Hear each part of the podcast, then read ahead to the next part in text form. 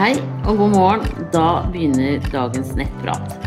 Den foregår sånn at du legger inn spørsmålene dine skriftlig på Alt for mamma på Ekspertsvar der. Og så leser jeg opp spørsmålene, og så svarer jeg muntlig her på Facebook. Etterpå så limer jeg inn URL-en fra denne nettpraten inn på Alt for mamma, sånn at alle kan se, eh, spørsmål, nei, se, se spørsmålene og høre svarene. Så da koster jeg i gang. Da er første spørsmål her anonym, som sier Hei, jeg har et spørsmål angående blodprosent og jern. Jeg er gravid i uke 30 og har nå en blodprosent på ca. 12. Jeg fikk høre at dette var ok, har likevel fått beskjed om å ta jern med tanke på jernlagrene. Jeg hadde jernlager på 13, men er dette lavt, og hvordan kan det virke, påvirke blodprosenten?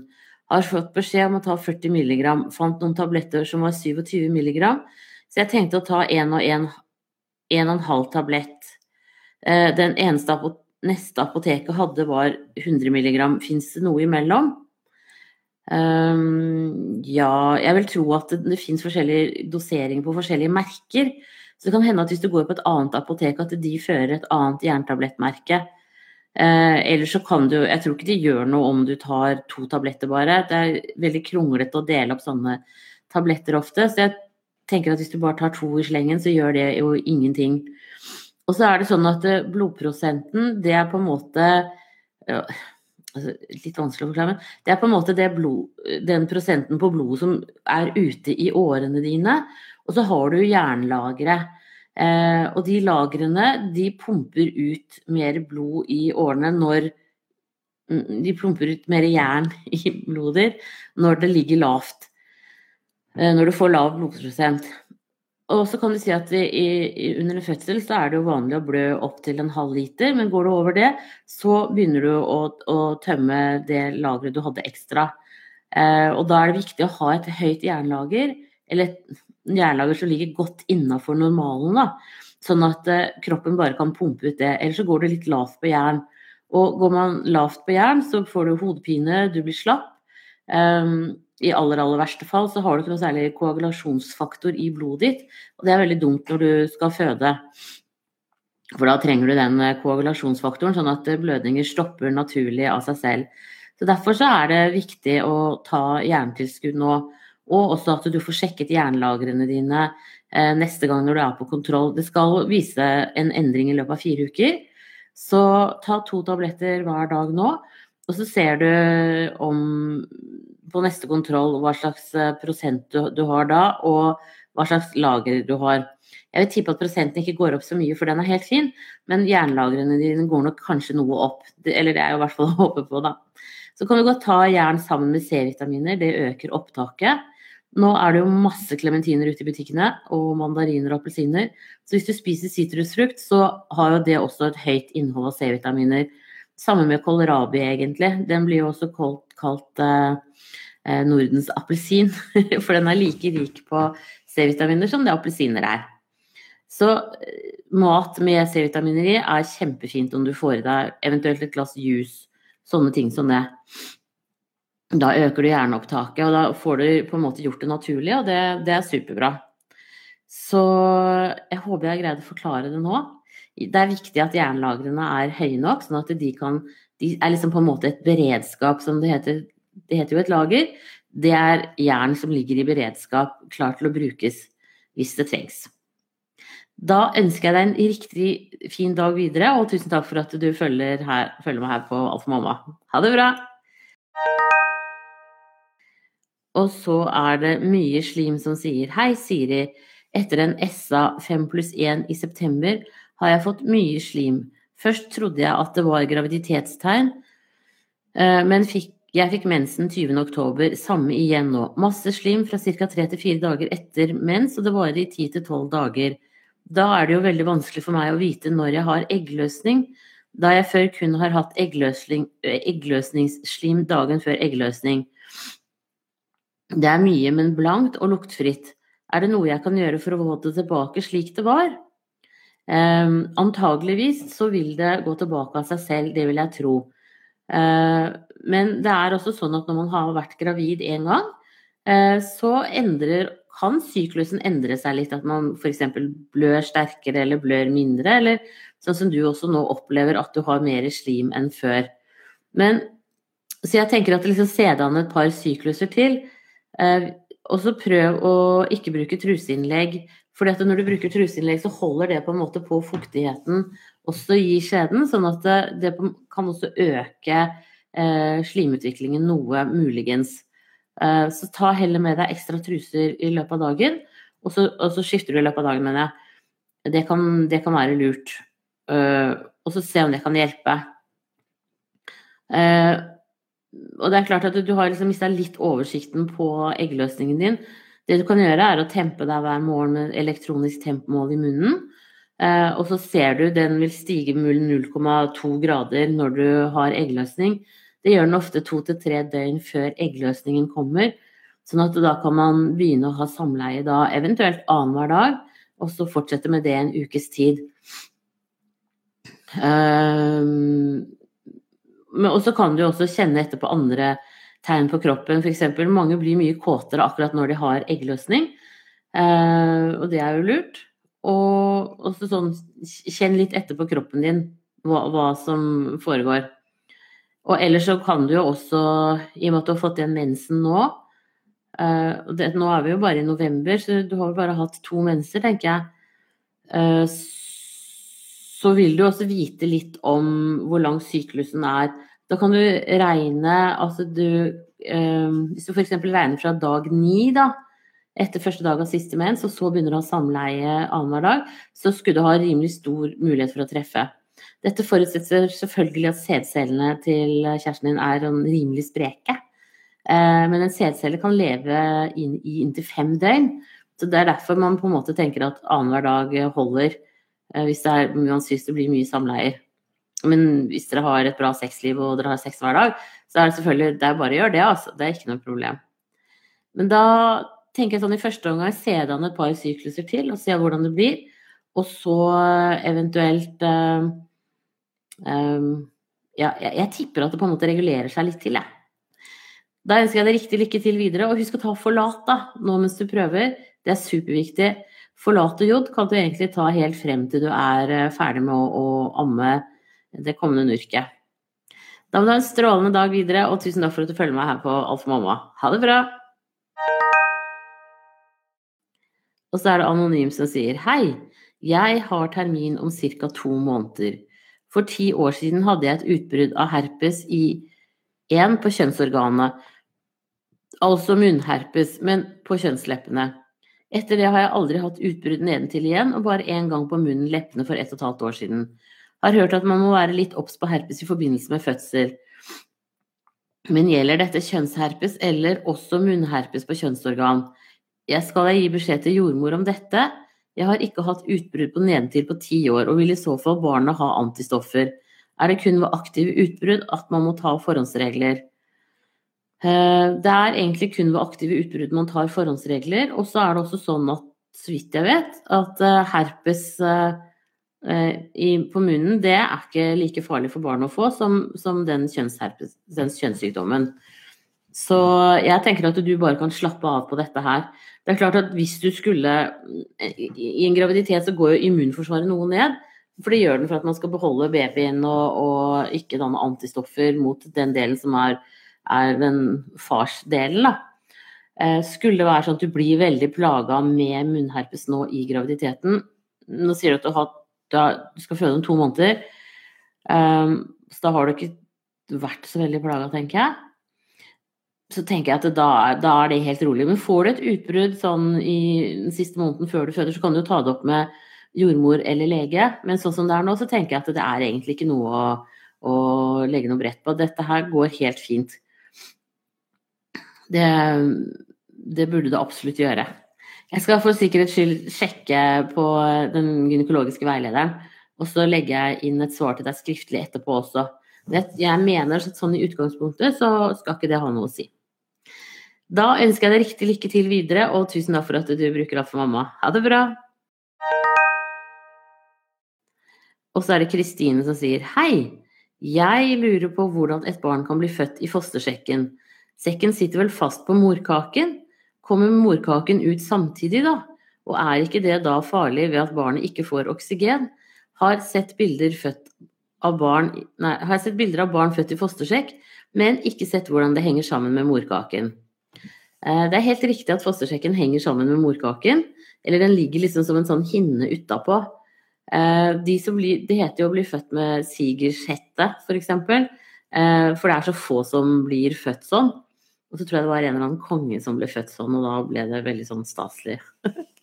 Men uh, det jeg tenker er uh, Det som er, er at babyen puster ikke før den kan. Sånn at den puster ikke inn i, inne i fostersjekken. Og så sprekker den som regel i liksom De blir liksom født med en liten kalott, på en måte. Det er veldig sjelden at de blir født med hele hinner. Uh, jeg tror de der YouTube-videoene som går nå, det er jo fordi at de er tatt keisersnitt på. Og dermed så kan du på en måte løfte dem ut på en annen måte. Men eh, det er ikke noe farlig for babyen, og de begynner å puste så fort de eh, får muligheten til det. Når de får kontakt med luft. Noe som de da ikke gjør inne i fostersekken. Så det er ikke noe å bekymre seg for, og det skjer med veldig veldig få. Og det er definitivt ikke noe farlig. Men det er sånn sier, det er litt sånn jippo liksom, på fødestuen når det skjer. For det er liksom wow, eh, det skjer så sjeldent, da. Og er ikke farlig, så da er man liksom syns det er litt morsomt. Eh, så det er også fordi at de fosterhinnene er ekstremt tøyelige, da. At eh, babyen på en måte kommer ut med dem rundt seg. Så vanligvis så sprekker det jo når vannet går, eller i løpet av fødselen. Men de er skikkelig seige, og derfor kan de også følge barnet ut selv om morkaka faktisk sitter fast inni livmoren enda.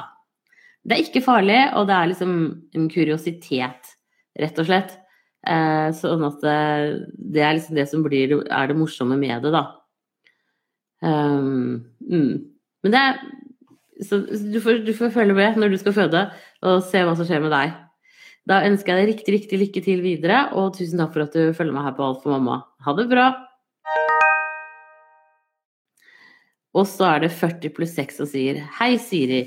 Jeg sendte et spørsmål til deg forrige uke da jeg følte at alle tegn på fødsel var til stede, og du mente at jeg ville føde i løpet av helgen. ikke sant? Det skal man jo aldri love. Beklager hvis jeg ga deg falske forhåpninger der. Det var ikke meningen. Nå sitter jeg her, da, fortsatt med baby i magen, mye smerter og ubehag. Har de to siste dagene fått et voldsomt nedpress, smerter i underlivet. Vondt å sitte og bevege seg. Voldsomt harde kynnere, og i natt følte jeg vondt, tak.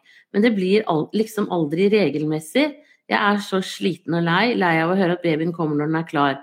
Den er jo klar som bare det. Hvorfor starter ikke fødselen på ordentlig? Prøvde å ringe fødeavdelingen forrige helg pga. eskalert smerte i hoften, men der følte jeg meg bare til bry og at jeg bare var dum. Hilsen drittlei førstegangs. Eh, jeg skjønner godt at du er drittlei, det er ikke noe å si på det. Jeg tenker at du skal vel inn på en overtidskontroll nå. Det du kan spørre om da, er hvor langt ned i bekkenet ligger babyen. Eh, blant annet. Og så mener jeg at de da skal gjøre en ultralyd av deg. Eh, og da kan de også på en måte få litt sånn et bilde av på hvordan ligger babyen med hodet. Um, for noe av det som starter fødselen, er jo hvor langt babyen har kommet ned i bekkenet. Nå beskriver du det jo som at du har mye nedpress. Eh, og det tyder jo på at babyen ligger godt nede i bekkenet. Men det kan jordmor eh, kjenne, og det kan også synes på ultralyd. For man er også avhengig av et visst press innenfra for at eh, riene skal starte skikkelig. Og så tenker jeg at du kan spørre da om, om hvorfor på en måte Er det noen ting de kan se ved deg fysisk eh, som gjør at de tenker at eh, det går litt treigere? Står babyen høyt oppe f.eks., så, så starter ikke fødselen like lett. Eh, men det er eh, Jeg skjønner godt at du er kjempelei, altså. Eh, og hvis alt er modent og klart, du kan jo høre om de, Da skal de også score deg i forhold til De kan kjenne, deg, kjenne på livmoren din, på mormunnen, og se om det er noe modning der i det hele tatt. Og det, jeg vil jo tro det er det, i og med at du er såpass plaga. og da kan du høre om du eventuelt kan bli strippet. Og en stripping er at de rett og slett går inn og prøver å løsne litt på hinnene eh, inn via mormunnen. Og, at de liksom går og så, på en måte opp mormunnen, og så fisker de litt rundt for å se om, eh, om det går an å løsne litt på hinnene. Da frigjør de masse prostaglandiner eh, som virker enda mer modne, og så kan de gi en god del sammentrekninger i tillegg til de du har, etterpå. Men det kan også være nok til å bikke over i fødsel. Så jeg syns du skal høre om ikke det.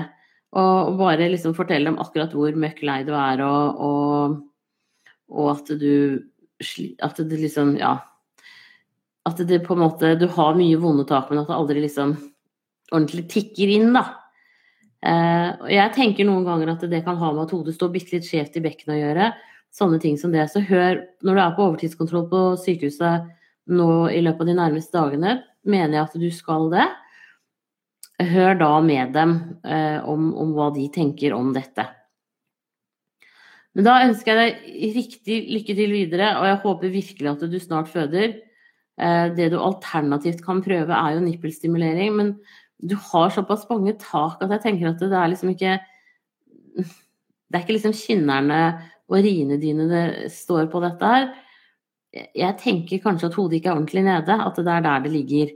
Eh, og da kan du høre med dem om de har noen stillinger å foreslå for deg å innta, sånn at det kanskje muligens hodet kommer litt lenger ned i, i bekkenet.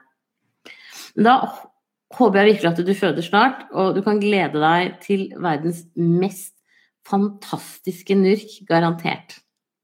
Da må du ha en fin dag videre. Ha det bra! Og så er det Andreas som sier hei. Mulig dette blir litt utenfor de tema du besvarer, men har forsøkt alle instanser med mitt spørsmål uten å få klare svar, så prøver her.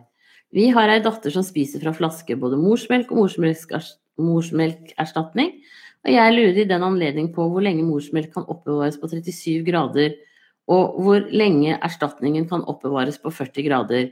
Vi har suvide-sirkulatorer hjemme som gjør at vi kan holde konstant temperatur på et gitt produkt så lenge vi måtte ønske, og det hadde derfor vært greit å vite om melken tåler dette. Eh, det tåler den ikke, dessverre. eh, ingen av dem gjør egentlig det. Eh, men du kan si at den, sånn suvide vide er jo kjempepraktisk til å varme opp melken når den eh, skal brukes. For da får du akkurat riktig temperatur. Men når melken ikke er i bruk, så skal den eh, være i kjøleskapet.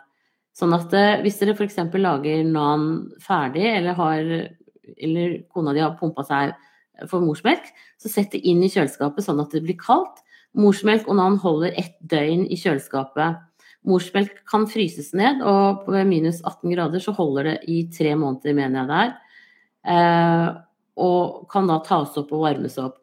Og da er det lurt også med morsmelken da, også eh, fryse ned i f.eks. isbitposer. Det kommer litt an på hvor gammel datteren din er.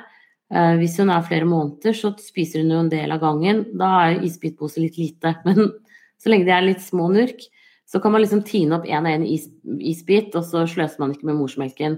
Men når melken har vært varmet opp én gang, så skal den kastes. Eh, og det gjelder både nan og, og morsmelk. Men inne på Ammehjelpen sine sider, ammehjelpen.no, så har de også gode svar rundt dette. Så prøv dem. Men det er sånn, du kan tenke deg at eh, når du holder Det gjelder jo mat og alt. Når du holder maten varm hele tiden, så har bakteriene tilgang. Eh, og ved kroppstemperatur så er det jo perfekt for dem å, å formere seg. Så derfor eh, tin det opp og varme det opp én gang. Eller liksom ha det i kjøleskapet, varme det opp én gang. Eh, og så, og hive det etterpå. Så derfor så er det hvis nå høres det ut, siden dere har, bruker morsmelkserstatning også, som at det kanskje er litt lite melk hos mor. Um, så da bruk liksom den eh, morsmelken først, og så fyller dere selvfølgelig på da med morsmelkerstatning etterpå. Det har dere sikkert fått gode eh, forklaring på, på, når dere var på barsel. Men eh, sovide er ypperlig til å varme opp. Så du må gjerne ha den liksom bare stående med et sånt varmebad som du da kan bruke når som helst når det trengs. Eh, det er jo ingen hindring. Men ikke da ha melken stående der hele tiden. Selv om jeg ser ideen om at da hadde den jo vært liksom fullt tilgjengelig. Men det, det, er litt for digg for bakteriene, så det må du ikke gjøre. Så altså rett ut fra kjøleskap eller fryser, inn i soviden, varme opp til perfekt temperatur, og så kan det gis til barnet. Det som er til overs, det må dere dessverre hive. Derfor så alltid gi morsmelk først, for det er det mest verdifulle. Men jeg syns det er et godt spørsmål, jeg. Så tusen takk for det, og riktig lykke til videre med datteren deres, og ha en strålende dag. Ha det bra! Og så er det spent andregangsfødende som sier Hei, Siri. Jeg har termin i morgen og har i tre uker nå hatt menssmerter som har kommet og gått. Har mye kynnere. Har forstått at det er veldig vanlig når man er andregangsfødende. I går ettermiddag gikk deler av slimproppen, ikke noe spor etter blod. Jeg fikk også mensmuringer med åtte minutter imellom. Forrige fødsel startet med mensmuringer, og så tok det seg opp. Jeg klarte fint å sove i natt, våknet innimellom med litt murringer, men var ikke veldig vondt. Det jeg lurer på er om disse murringene har noe effekt, eller om de bare er plagsomme. Hilsen spent andregangsfødende. Eh, murringer og sterke kynnere sånn opp mot fødsel har absolutt en effekt. Eh, så dette er ikke bortkasta, selv om det er jo litt ubehagelig.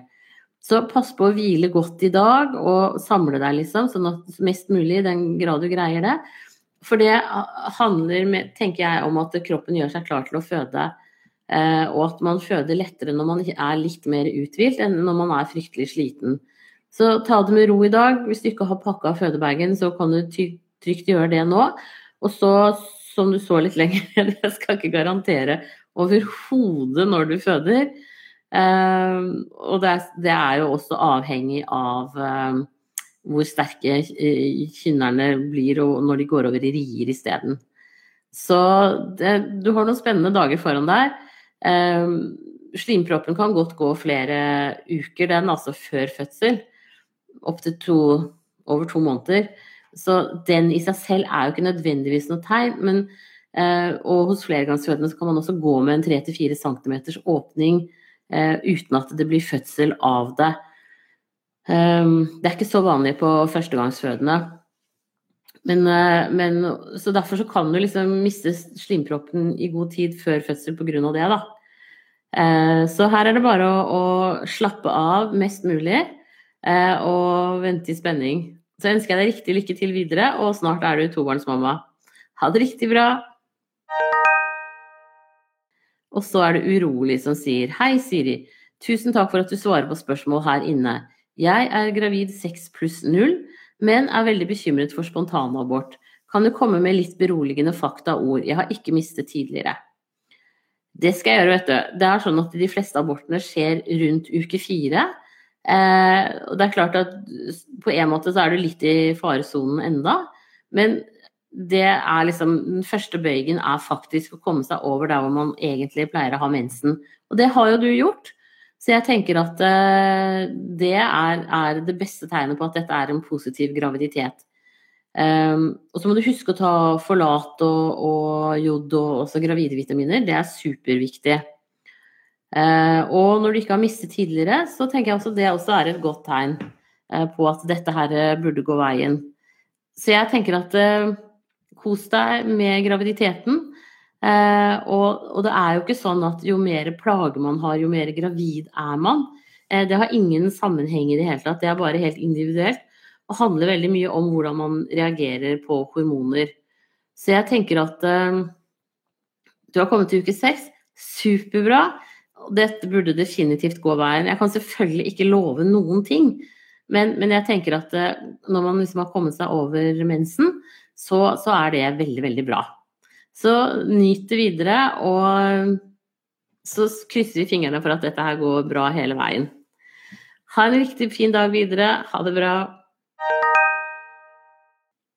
Og så er det K. Sofie. Hei, Siri. Jeg er gravid i første trimester. Men jeg er samtidig veldig uheldig og har en prolaps i ryggen som har slått seg skikkelig vrang nå tredje svangerskap. Da jeg får sinnssyke smerter i korsryggen som stråler ned i beina. Det eneste som har og tar dette, er legemiddelet Nosinan. Jeg har lest rundt på nettet og forhørt meg med legevakta, men de kommer til det samme svaret. Det skal ikke tas i trimester tre, og fører dette, så kan man ta det med risiko. Men om risikoen veier opp for resultatet ved tatt medisin, kan man ta. Hva vil det egentlig si? Er sjansen for at fosteret vil bli sykt deformert av dette, eller er dette en sjelden utvikling? Trenger råd da jeg har ufattelig vondt og har to små til hjemme som trenger en mamma som klarer å gå. Ja, vet du hva, da er mitt beste råd til deg er å gå inn på tryggmammamedisin.no. Der sitter det leger og farmasøyter og svarer.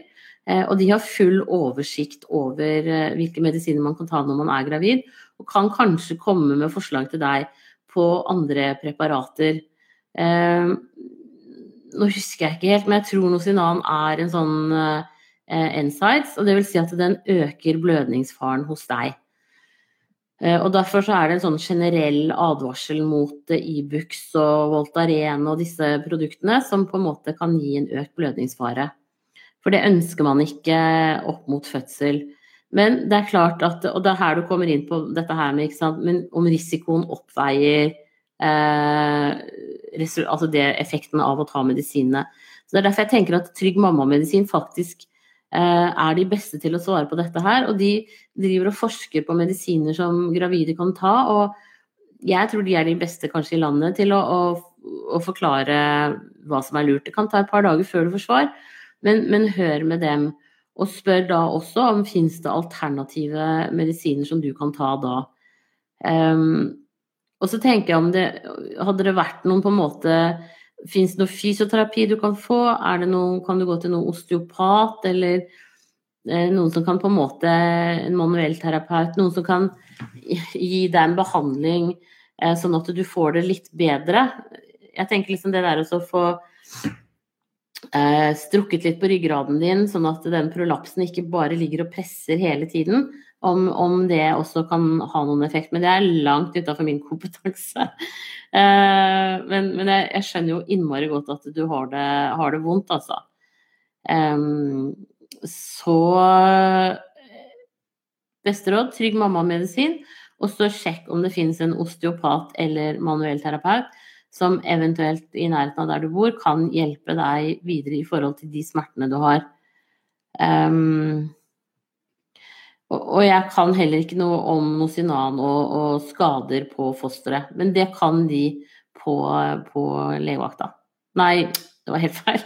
På Trygg mammamedisin. Så prøv dem. Og så håper jeg at du snart får det litt bedre, for det der er, å ha vondt i ryggen er jo så ødeleggende. Ja. Så prøv dem, og riktig, riktig god bedring. Ha det bra, og tusen takk for at du følger med her på Alt for mamma. Ha det bra. Og så er det Gnoll som sier Hei, jeg er i uke 36 nå, 35 pluss 1. Slimproppen gikk i dag, og magen har sunket. Hodet er festet, og jeg har nedpress eh, og kynnere. Har en del murringer og vondt i korsryggen min. Hatt litt vondt i hodet, vært kvalm og hatt mer utflod og økt appetitt. Nærmer det seg fødsel? Jeg har født før i uke 37. Brystene lekker litt melk, har tett nese, jeg føler noe er på gang. Hadde det vært greit å føde nå? Ja, det er greit å føde nå, men jeg tenker også at uh, Jeg syns kanskje du skulle gått og fått en kontroll siden du har litt vondt i hodet. Uh, at du går til og får en kontroll hos lege eller jordmor i forhold til uh, blodtrykket ditt. For det, hodepine kan jo være et tegn på at den begynner å bli litt høyt. Um, kvalme kan jo være et uh, uttrykk for at du faktisk har egentlig litt vondt, men på en måte tolker det inn i kynnerne og, og, tenker at det er normalt, og det er det jo for så vidt. Men, mm, men jeg tenker sånne ting kan være greit å få sjekka. Så få time hos lege eller jordmor i dag. Hvis du ikke får det, så syns jeg at du skal ringe til fødende og snakke med dem og eventuelt eh, komme inn for en sjekk der. Jeg tror ikke at de stopper fødselen din nå, eh, men eh, Og babyen tåler fint å bli født nå, men det er liksom Det er bitte litt tidlig, da. Det er noen uker for tidlig. Så, så jeg syns du skulle ha tilsyn i dag.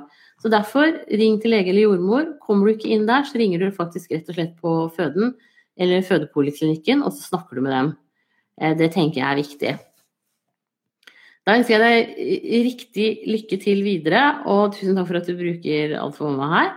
Og så eh, tåler jo babyen fint å bli født nå, men, men, men som sagt bitte litt tidlig. Og så stiller du et spørsmål til, skal vi se. Jeg lurer på en ting til. Hvor lang tid tar det fra slimproppen går til selve fødsel? Er i uke 35-36 nå. Jeg har forresten hatt mange prikker på rumpa type utslett.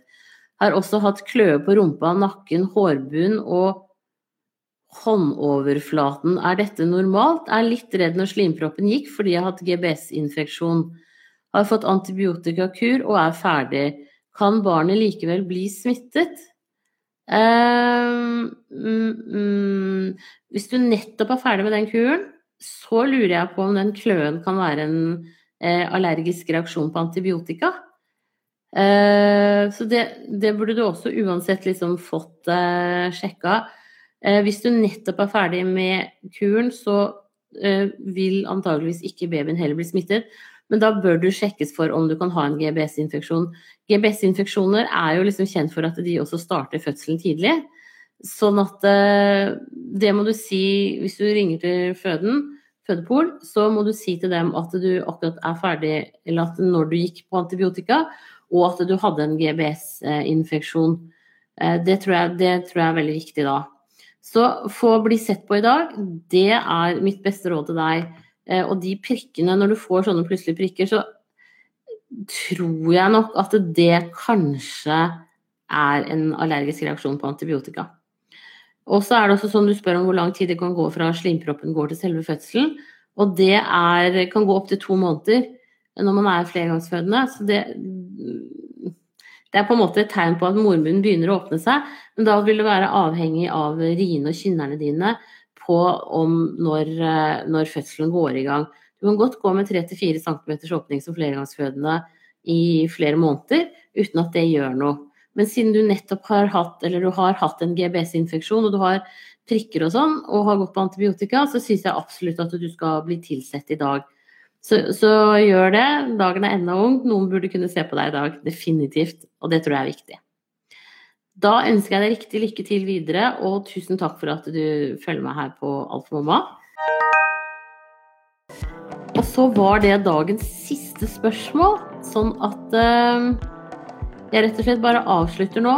Nettpraten er åpen i en halvtime til, så de som legger inn flere spørsmål, de får rett og slett da uh, skriftlig svar eh, utover dagen etter hvert som jeg tar unna de. Da ønsker jeg dere en strålende dag videre alle sammen, og så ses vi igjen litt seinere i uka. Ha det riktig bra.